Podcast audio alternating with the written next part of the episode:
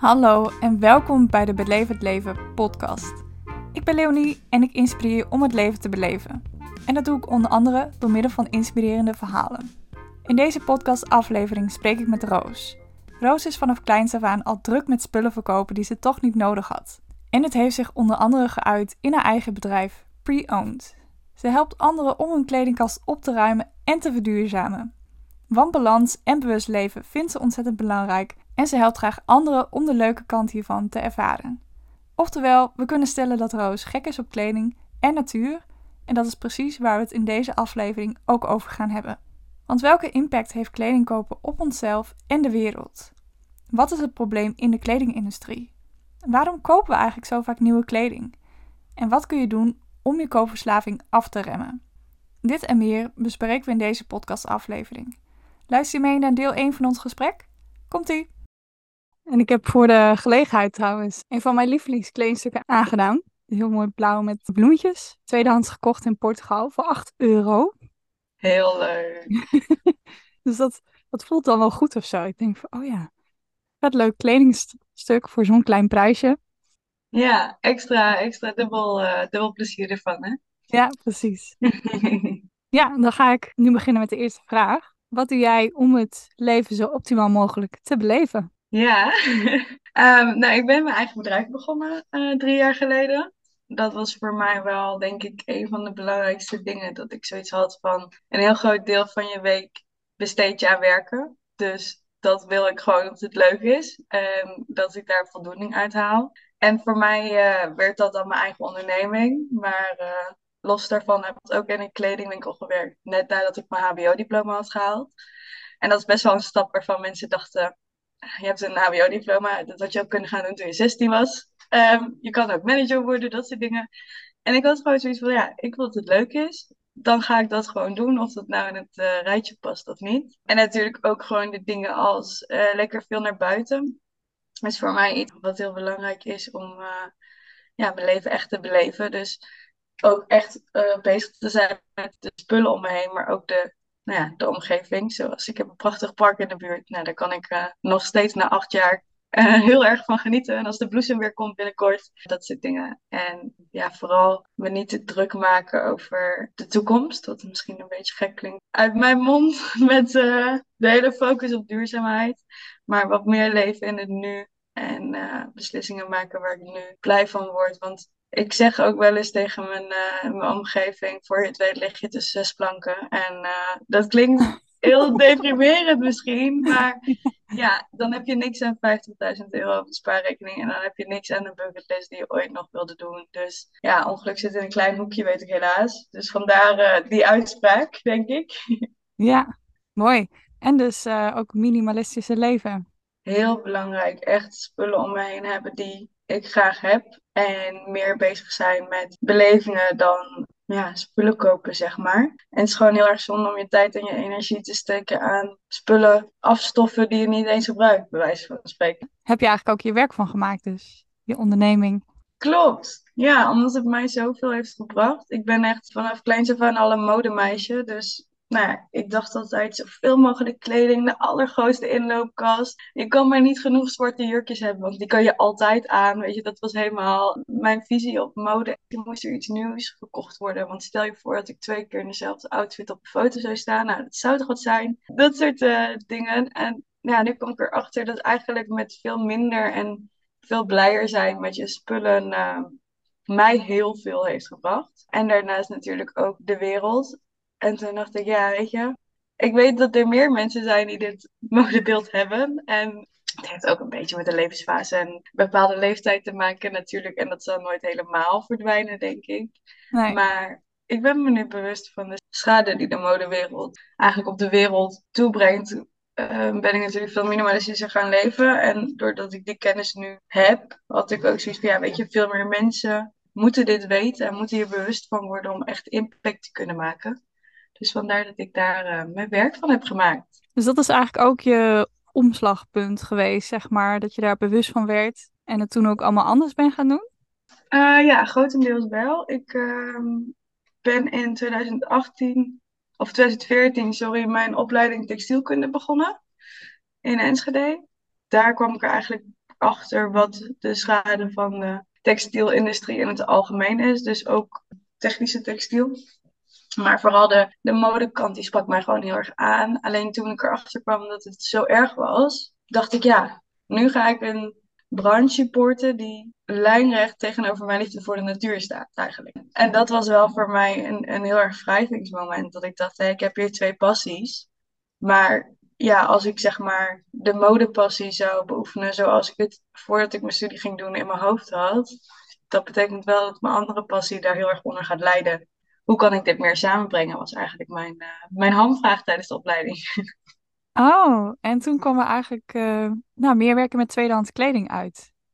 Klopt, ja. Een vriendin van mij die uh, werkte in een tweedehands kledingwinkel. En die zag er altijd te gek uit. en ik, uh, ja, ik had op een of andere manier, ben ik ook wel denk ik opgegroeid met de vooroordelen van de tweedehands kleding.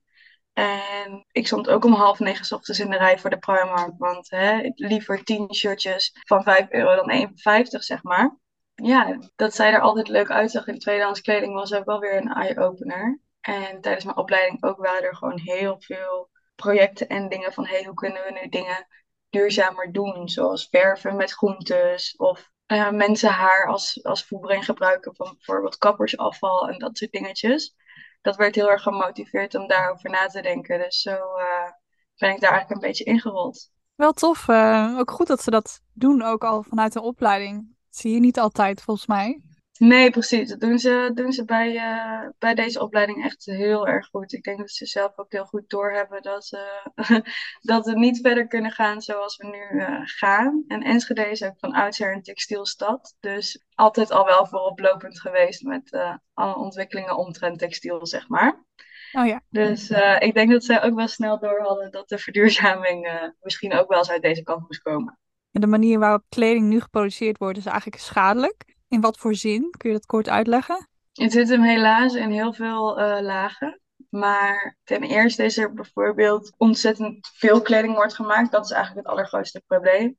Waardoor er dus ook heel veel grondstoffen nodig zijn. En bijvoorbeeld katoen, een textielsoort die nou ja, op de grond uh, groeit, zeg maar, die heeft eigenlijk geen water nodig om te groeien. Maar omdat onze vraag zo groot is, is er bijvoorbeeld heel veel drinkwater nodig. Wat nou, jij en ik gewoon s ochtends uh, uit een glas zouden kunnen drinken. Om zeg maar de katoen maar zo hard te laten groeien dat er genoeg geproduceerd kan worden. Daarnaast worden er heel veel chemische materialen toegevoegd tijdens het groeien van, uh, van de plant al, van de grondstof. Die en schadelijk zijn voor de mensen die ermee werken. En schadelijk zijn voor jij en ik die het dragen. En voor de grond. Dus het gaat natuurlijk weer in de grond. Het komt in het zeewater. Het komt in de vissen. Het komt ja, zo rolt het balletje, zeg maar. Mm En dan heb je nog een productieproces waar echt enorme machines aan werken. Dus die, ja, ik heb ze niet allemaal in levensechte grootte gezien, maar ze zijn echt enorm. Dus ze vragen ook ontzettend veel energie. En ze draaien 24-7. Maar aan die vragen te voldoen, zeg maar. Ja, eigenlijk ja, kopen we met z'n allen veel te veel kleding. Hebben een uitgepelde kledingkast. En uh, ja, mogen we daar veel bewust mee omgaan voor de natuur. Ja, klopt. Ja, ik heb een tijdje geleden ook een documentaire gekeken. En het was, het was een korte documentaire, maar het ging dus ook over nou, hoe het dan gaat in de kleding, in het produceren daarvan. En het is niet alleen voor de natuur, maar ook gewoon het hele proces is volgens mij niet helemaal eerlijk. Ook tegenover, nou ja, mensen die de kleding natuurlijk produceren in uh, verschillende landen. Dus dat heb je ook nog weer uh, mee te maken, denk ik. Klopt, er is ook veel uh, kinderarbeid natuurlijk. Maar naast kinderarbeid worden er volwassenen ook gewoon slecht behandeld. Bijvoorbeeld in de katoenplantages. Katoenplukken is niet zeg maar um, het allermakkelijkste uh, te plukken. Het is niet een madeliefje, zeg maar. En daarna zitten er dus ook nog chemicaliën en chemische stoffen op de plant. En die wordt gewoon met de blote hand geplukt, zeg maar. Dus naast achter de naaimachine en het productieproces, wat, wat eigenlijk heel mensonerend is. Als in, je moet lange uren maken, je mag niet naar de wc. Ja, je kind, eigenlijk nemen de meeste vrouwen hun kind gewoon mee. Want er is geen oppas of iets en ze moeten 16 uur per dag werken. Dus gaan de kinderen er ook maar werken. Er wordt heel veel gesjoemeld. Zo ja. zeggen wij het altijd. Ik weet niet helemaal of dat een Nederlands woord is eigenlijk. Maar, ik denk um, dat je het wel begrijpt. um, nou, er wordt heel veel gesjoemeld met overuren. Dus er zijn echt wel organisaties die fabrieken controleren, et cetera. Maar die laten lekker een boekje zien met de uren die, uh, ja, die toegestaan zijn. En die houden dan ergens anders een boekje achter waar de overuren in staan geschreven, zeg maar. Dus er is ook wel controle. Uh, ze zijn er echt wel mee bezig. Maar ja, in bepaalde landen is dat een, een, de grootste bron van inkomsten. Dus ja, daar strijdt iedereen heel hard, uh, hard voor om te blijven werken. En uh, ja, daar zouden toch vanuit de loonkant eerder iets gedaan moeten worden dan uh, vanuit de wil om te werken, denk ik. Ja, want ik zag in die documentaire ook, nou, dat er zelfs in Groot-Brittannië dus, dat ook zelfs daar de mensen voor heel lage lonen aan de slag zijn. Of dat daar ook heel veel vervuiling is. Dus dan nou komt het ineens dichterbij. Nou, het maakt ook niet uit hoe ver weg het is. En ook dat nou ja, de mensen aan de top, die uh, verdienen veel geld, zeg maar.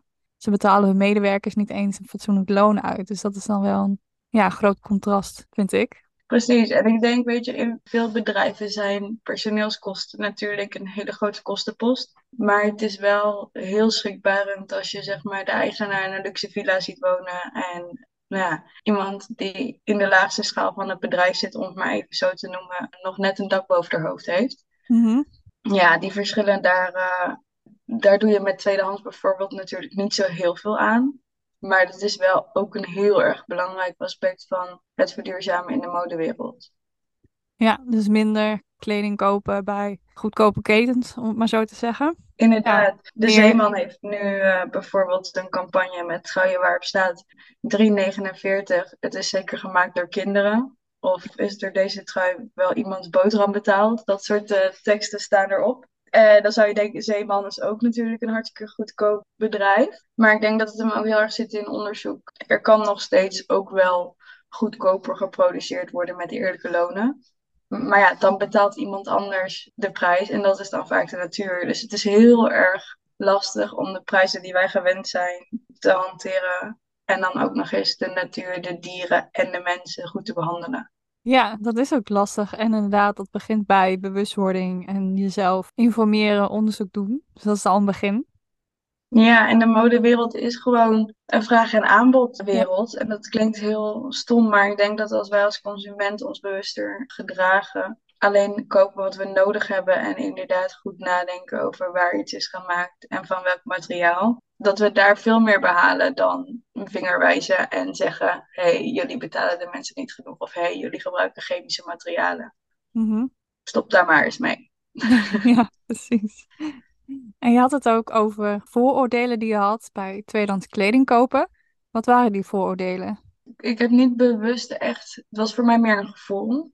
Ik denk dat de eerste keer dat ik in de kringloop stond, ik ook ongeveer ben omgedraaid zonder ook maar twee stappen verder te zetten. Want ik dacht, het is hier rommel, want het stinkt hier en het is veel te veel en alles staat door elkaar. Hoe, waar, waar begin je überhaupt? Ja. Nou moet ik zeggen, er is natuurlijk verschil tussen een kringloop en een kringloop. Misschien stond ik ook niet in de allerbeste kringloop op dat moment. Nee, dat wou, ehm, wou, ik inderdaad ook zeggen. Van, er is heel veel verschil in tweedehands kleding shoppen. Je hebt inderdaad een beetje, nou ja, zoals het goed, weet je wel, waarin voor je idee, voor mijn idee in ieder geval, altijd hele oude kleding hangt. Je hebt ook meer de vintage shops, maar je hebt ook nog wel nou ja, de leuke kleine boutiquejes waar je dan voor hele kleine prijsjes wat dingetjes tussen kunt vinden. Soms moet je ook gewoon net even de juiste plekken vinden, denk ik. Ja, dat denk ik ook. En ik denk dat er ook in tweedehands spullen kopen heb je gewoon veel doorzettingsvermogen nodig. En dat is ook waarom veel mensen, denk ik, toch nog naar die fast fashion gaan. Ja. weet je, het wordt fast fashion genoemd omdat het productieproces zo snel gaat. Maar ook voor de consument is het heel makkelijk. Mhm. Je typt hm.com in en morgen heb je je shirtje. Je weet dat je daar een spijkerbroek kan kopen. Je weet dat je maat beschikbaar is. En als die er even niet is, dan is die er volgende week wel. Dus snel, opgelost, klaar. Hoeft eigenlijk niks te doen. En nou ja, in een kringloop kost het soms wat meer moeite. Maar als je inderdaad je pareltjes uh, gevonden hebt en weet waar je kan slagen. Of weet waar je moet zijn voor bijvoorbeeld kleding, maar ook waar je moet zijn voor meubels. Dan, uh, dan wordt dat ook wel makkelijker. Dus het is wel even, even opstarten. En ik denk dat dat voor mij in het begin ook gewoon een vooroordeel was. Van, het kost me veel te veel tijd. Ja, als ik nu een jurkje wil hebben, dan wil ik nu een jurkje hebben. Want ik heb vrijdag een feestje en dat is morgen. Weet je, dat was Ja. zeg maar hoe ik vroeger dacht. Dat is nu totaal niet meer eh, hoe ik, eh, hoe ik in het leven sta. Soms hoor ik mezelf praten en dan denk ik, hoe dan? Maar Ja, dat is wel de waarheid. En ik denk ook dat dat ja, bij mijn hele proces hoort. En dat het ook, nou ja, wat ik zeg, ook bij, in het begin zei ik van, eh, het is ook een bepaalde leeftijdsfase. En eh, dat is niet voor iedereen zo dat dat verandert. Maar ja, ik denk wel nu ik ouder ben geworden en meer bezig ben met de natuur en de wereld om me heen. En minder met mezelf dan toen ik 16 was, dat ik daar ook veel meer oog voor heb gekregen. Ik weet niet of je dat eh, toevallig herkent of juist helemaal niet. ja, zeker, zeker. Dat is voor mij ook echt iets van de laatste paar maanden, zeg maar, dat ik met de camper op reis ben gegaan en dus een half jaar door Portugal heb gereisd. En voor mijn idee is Portugal best wel, nou ja, wereldbewust eigenlijk wel, zeg maar, heel bewust. Qua natuur, hoe je met de aarde omgaat, weet je wel, niet te veel waterverspilling, ehm, biologisch eten, veel biologische producten, weet je wel, van die winkeltjes en ook Ja, ik weet niet of het ook echt zo is dat het in Portugal meer is. Of dat, of dat ik het gewoon, zeg maar, aantrok. Ik weet het niet. Maar ook nou, dat ik mensen tegenkwam die wat meer tweedehands shoppen. Weet je wel, bewuster eten en lief voor de natuur willen zijn. En dat, dat maak je ook al echt veel bewuster. En aan het begin, eh, aan het begin van mijn reis, ja, want ik ben ook echt zo'n kledingshopper, weet je wel. Ik koop altijd veel te veel kleding. Veel te En veel meegenomen ook waarschijnlijk. ook, dus het pelt allemaal uit. echt verschrikkelijk dat ik me gewoon, nou op een gegeven moment, want ik heb ook twee maanden in een huis gewoond. En dan neem je steeds wat dingetjes mee in die kamer, zeg maar. Op een gegeven moment moest alles weer in de camper. Dat ik gewoon helemaal gek werd van mezelf en van al mijn spullen die ik er had. En alle kleding, want ik had heel veel zomerkleding. Maar goed, het was winter, dus dan koop je weer wat nieuwe truien. En dat was voor mij ook wel echt zo'n momentje van... Nou ik had het daarvoor wel een beetje van... Ik wil niet meer zoveel kleding kopen. Ik wil bewuster gaan kopen, weet je wel. Niet meer onvervulde behoeften of zo, maar op mezelf opvullen. Dat idee heb ik op een gegeven moment. Ja, dat snap ik, ja. Ik denk dat de modewereld is natuurlijk ook heel goed op inspelen dat je erbij hoort als jij de nieuwe trends draagt. En weet je, nu is er bijvoorbeeld zo, metallic broek is helemaal eh, de nieuwe trend. En dan zie ik overal reels met een metallic broek en dan denk ik bijna, ik moet ook een metallic broek hebben. Ja, En hoe bewust ik ook ben, en ik vind hem echt heel tof, maar ga hem waarschijnlijk niet kopen, want ik heb genoeg broeken. Ik heb nog steeds het gevoel dat ik als modemeid toch eigenlijk wel die metallic broek moet hebben. Want hè, ja, als ik daar ergens op een event sta, dan moet ik er wel uitzien alsof ik weet wat er in de mode gebeurt. En dat blijft een soort van strijd in je hoofd ook. En dan komt lila eens in. En inderdaad, dan heb je ineens een trui met een ritje bijvoorbeeld. Ja, als je dan toch toevallig een nieuwe trui nodig hebt, dan wil je eigenlijk wel ineens zo'n trui met een ritje. Ja, en voor mij was het ook wel het gevoel die het dan geeft, zeg maar. Dus ik vind het heel leuk dat je dan kleding aandoet, dat het een bepaald gevoel geeft, dat je je mooi voelt. Daar hou ik heel erg van. Maar ook, het is misschien ook dat korte momentje dat je iets nieuws koopt en dat dat gevoel dan geeft. Terwijl het misschien Ja, veel meer vervullend kan zijn om kleding met liefde te dragen, zeg maar. Net zoals deze, nou het is dan een soort one piece. Dat je die echt met liefde draagt, zeg maar. Dat geeft misschien veel meer voldoening dan constant iets nieuws kopen. ja, ik denk dat bij iets nieuws kopen, dat het altijd die korte, eh, oh, hoe heet het ook weer? Ja, een soort stofje komt dan vrij, toch? Ja, dat korte gelukshormoon wat je dan Ja, ineens even krijgt. Nu denk ik ook dat dat bij tweedehands spullen zo is. Het is gewoon het hebben van iets nieuws voor jou. ja, Dus dat drukt natuurlijk al een beetje de impact.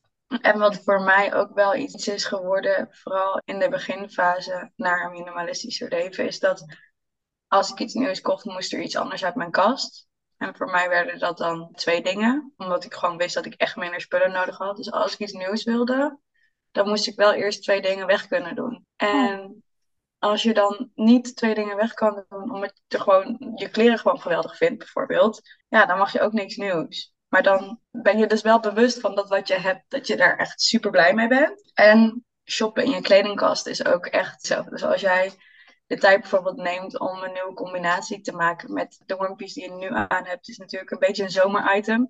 Maar stel je voor, je had in de winter daar een poging voor gedaan om hem in de winter te kunnen dragen met bijvoorbeeld een trui eroverheen of een blazer of een broek eroverheen of nou, noem maar op. als die nieuwe combinatie was gelukt, dan krijg je een soort van hetzelfde hormoon. En dat geldt niet voor iedereen, want sommige mensen vinden het heel lastig en sommige mensen vinden het heel stom om te doen. Maar als je, nou, als je het leuk vindt om zeg maar combinaties te maken en kleding te passen, dat soort dingen, dan is dat nog wel een hele goede om uh, ja, het koophormoon uh, te vervangen. Nou, het is ook um, ja, misschien een leuk creatief proces inderdaad. Want je trekt al de combinatie aan die je kent, terwijl er zoveel meer mogelijkheden zijn. Klopt, en ik denk dat dat het allerbelangrijkste is, want Weet je, als je mij zou vragen van hey, hoe ga je nou van een koopverslaving naar een minimalistisch leven? De eerste reactie die ik had willen geven was minder kopen. Maar het gaat veel dieper dan dat. Je moet echt inzicht hebben in je kledingkast en weten wat je hebt en wat je graag draagt en wat je daar ook mee kan. Heel veel mensen die ik ken, die hebben een zomerkast en een winterkast. En natuurlijk draag je je korte spijkerbroek niet elke dag als het buiten sneeuwt. dat begrijp ik ook wel. Weet je, een hemdje kun je ook gewoon in de winter aan. Door of een trui eroverheen, of een blouse eroverheen, of ja, ergens dus... onder wat wat korter is. Of weet je, dus je kunt eindeloos door combineren. Want een zomer-item is niet per se een zomer-item en een winter-item is niet per se een winter-item. Dus eigenlijk is een zomer- en winterkast niet nodig, zeg jij? Ik vind het persoonlijk niet nodig. Ik denk dat het ook heel erg ligt aan de ruimte die je hebt. Uh, weet je, kijk even naar jouw voorbeeld. Als je in een, uh, in een camper zit, dan kan ik me voorstellen dat als je echt zeker weet dat het alleen maar mooi weer wordt, dat je niet tien spijkerbroeken meeneemt bijvoorbeeld. Of tien lange, lange spijkerbroeken. Um, dus het ligt natuurlijk aan de ruimte. Maar eerlijk gezegd vind ik dat als jouw zomer- en winterkleding niet in één kast past, heb je gewoon te veel spullen. Weet je, ja. Ik moet lachen omdat ik mezelf daar heel erg in herken. Want ik heb mijn huis verkocht, dus ik heb ook heel veel kleding wel weggedaan, weet je wel, uh, gedoneerd. Want ik hou er niet van om kleding weg te gooien, zeg maar. Dus dan doneer ik het. Of, uh, maar, heel goed. ja. En toen ik mijn camper ging inpakken, heb ik dan ook altijd een beetje keuzestress. Want ik heb zoveel leuke kleding, dus ik wil van alles mee. En ik weet nog dat mijn moeder zei van, nou, als je iets nieuws koopt, dan moet je iets anders weer eruit doen denk ik nu aan. Ik heb er echt nooit aan gehouden. Ups, dit is een goed moment om ermee te beginnen misschien. Nou ja, weet je, wat dat was wel het doel van, is het doel van dit jaar. Wat minimalistischer worden en minder spullen, maar ook gewoon bewust te kopen. Dus eh, normaal ga ik altijd best wel veel shoppen en ik was afgelopen weken ook in Malaga en in Sevilla. En normaal ga ik altijd kledingwinkels in, koop ik iets nieuws. En nu dacht ik, heb ik iets nodig? Nee, ik heb niks nodig. Dus ik ben ook niet naar die winkels gegaan. Want ik dacht van, ik wil niet meer, want ik heb al zoveel. Dus daar is al een, een, een shift gaande, zeg maar. Dat ik gewoon echt wel op denk van, oké, het is nu klaar. Ik heb niet meer kleding nodig. Ik mag eerder wat wegdoen dan constant iets nieuws kopen. Dus, ja, precies. En ik denk ook de verleiding niet opzoeken is makkelijker dan de verleiding niet weerstaan. Dus ik heb ook vooral in het begin me uitgeschreven van alle nieuwsbrieven die ik volgde van webshops, van een H&M, een Zara, een Stradivarius. Nou, van alles en nog wat. Ik heb me overal voor uitgeschreven, want je wordt elke week doodgegooid met hey, er is een nieuwe collectie. En er is altijd wel iets tussen waar je in ieder geval even naar wil kijken. Mm maar inderdaad ook gewoon shoppen met vriendinnen, wat ik vroeger deed. Gingen we naar een andere stad met de trein en dan gingen we daar de hele dag winkelen. Nou, ik kan me op dit moment niet ergers bedenken dan dat doen.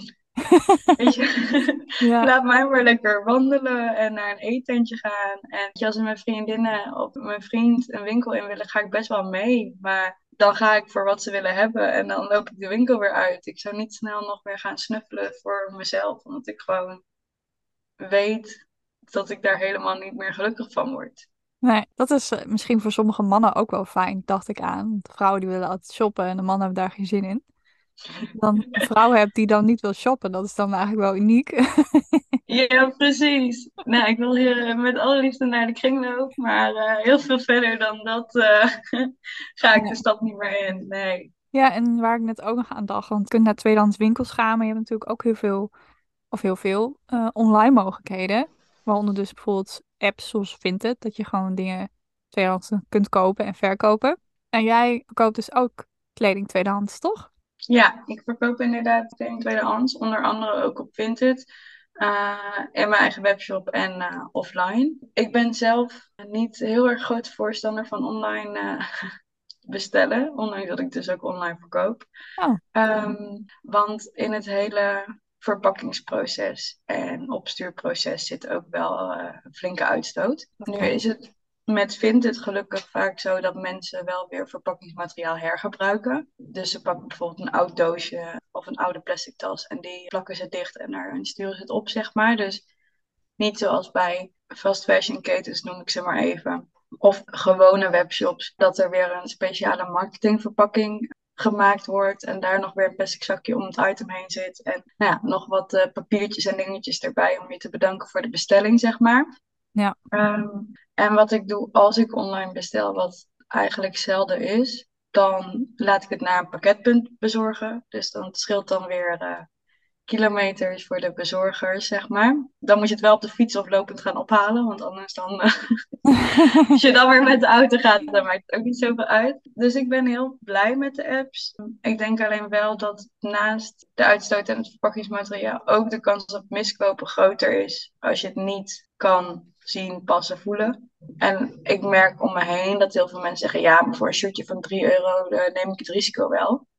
Als ik hem dan niet pas, dan uh, geef ik hem wel weer weg of zo. En dat is niet per se een hele slechte gedachte, maar dan heb je dus wel het vervoeren en het verpakkingsmateriaal en de uitstoot gehad voor iets wat je uiteindelijk niet gaat gebruiken. Ja, en dan is ja. het ook, ook nog wel eens zo dat mensen zeggen: ja, voor 3 euro draag ik het wel een keer, dus ik leg het in mijn kast. En als ik het dan een keer gedragen heb, dan heb ik het geld er al uit. Ja, dan denk ik, nee.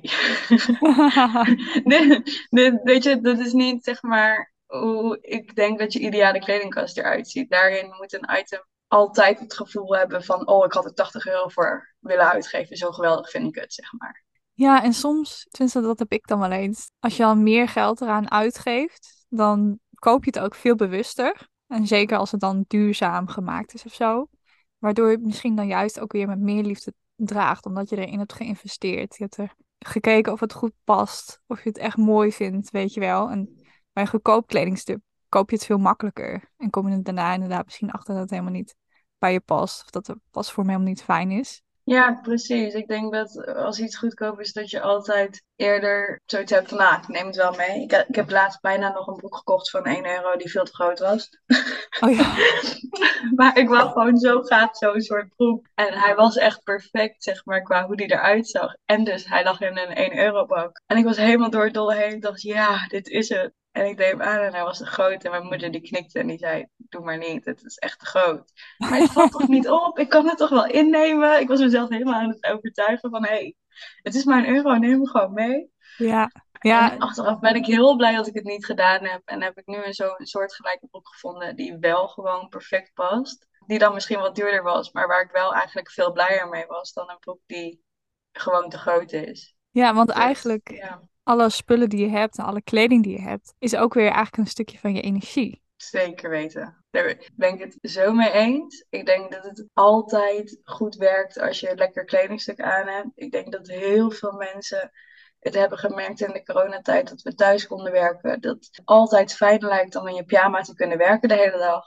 Maar dat niks je zo goed laat voelen als gewoon 's ochtends een toffe outfit aantrekken en de dag te beginnen ja, met iets waar je je heel goed in voelt. Zeker En weten. als je daardoor eerst door kledingstukken heen moet waar je niet zo blij van wordt, dan ja, heb je eigenlijk al zakt de moed ook een beetje. In ieder geval, dat is wat ik heel erg meekrijg van mijn klanten en wat ik zelf ook heel erg heb gemerkt, is dat als ik eerst door een stapel shirts moet waarvan ik denk, nou ja, die hoef ik niet aan. Nee, volgende, eh, oh, heb ik die nog steeds? Nou, leg ik even aan de kant. Nou, misschien kan ik dit shirt wel aantrekken. Weet Ja. je, dat is al zo'n andere energie is dat ik denk, nou, vandaag ga ik lekker voor rood en ik voel me helemaal goed. En, oh, nou, dit shirt kan ik morgen wel aan, maar vandaag eh, even een ander kleurtje. Top, dit trek ik aan. Weet je, dat is, dat is zo'n groot verschil. Het is zo'n onbewuste prikkel eigenlijk. Ja, en ook als je elke keer dat, nou, dat ene kledingstuk weer ziet en denkt van, ah, ah, misschien moet ik die wegdoen. Dat is toch weer een gedachte en dat kost weer een heel klein stukje van je energie. En ehm, ik dacht net aan iets, wat wilde ik zeggen? Oh ja, nee, ik weet het niet meer. Ah, oké. Ik denk ook dat je kledingkast opruimen, vooral als je veel kleding hebt, dat dat zo'n soort van altijd sluimerende to-do is. Van hé, hey, ik Ja. moet mijn kast een keer gaan opruimen. En nou ja, vooral als je veel spullen hebt natuurlijk, denk je dat. Want dan moeten er weer twee eh, items over een hanger. Eh, Ja, ja, Of de la past niet dicht, of nou, weet ik veel wat. En dan, ja, dan heb je toch weer, oh ja, ja, ik zou mijn kast nog eens een keer gaan opruimen. Oh ja, weet je? Ja. Dat kost natuurlijk ook ontzettend veel energie als je continu dat eh, gevoel hebt dat je dat nog een keer moet gaan doen. En dit was alweer het eerste deel van deze podcastaflevering. Van koopverslaving naar minimalistische leven. We waren zo gezellig aan het kletsen dat ik deze podcastaflevering in twee heb moeten delen. Als je deze aflevering luistert als het net online staat, volgende week maandagmiddag staat het tweede deel voor je klaar. En terwijl je wacht kun je nog even kritisch naar je eigen kledingkast en koopgedrag kijken. Wat zou je anders doen na het luisteren van deze aflevering? En besef je, een kleine stap kan al verschil maken. Luister je later? Dan heb je geluk. Je kunt direct doorklikken naar de volgende aflevering. Neem ook alvast een kijkje op Rosa website en Instagram. De linkjes zijn bijgevoegd. En als je het leuk vindt, laat dan even in de reactie weten wat je van de aflevering vond. Je kunt reageren via Spotify, maar ook leuk als je me komt opzoeken via Instagram, Beleef het Leven. Bedankt voor het luisteren en tot de volgende. Doei doei!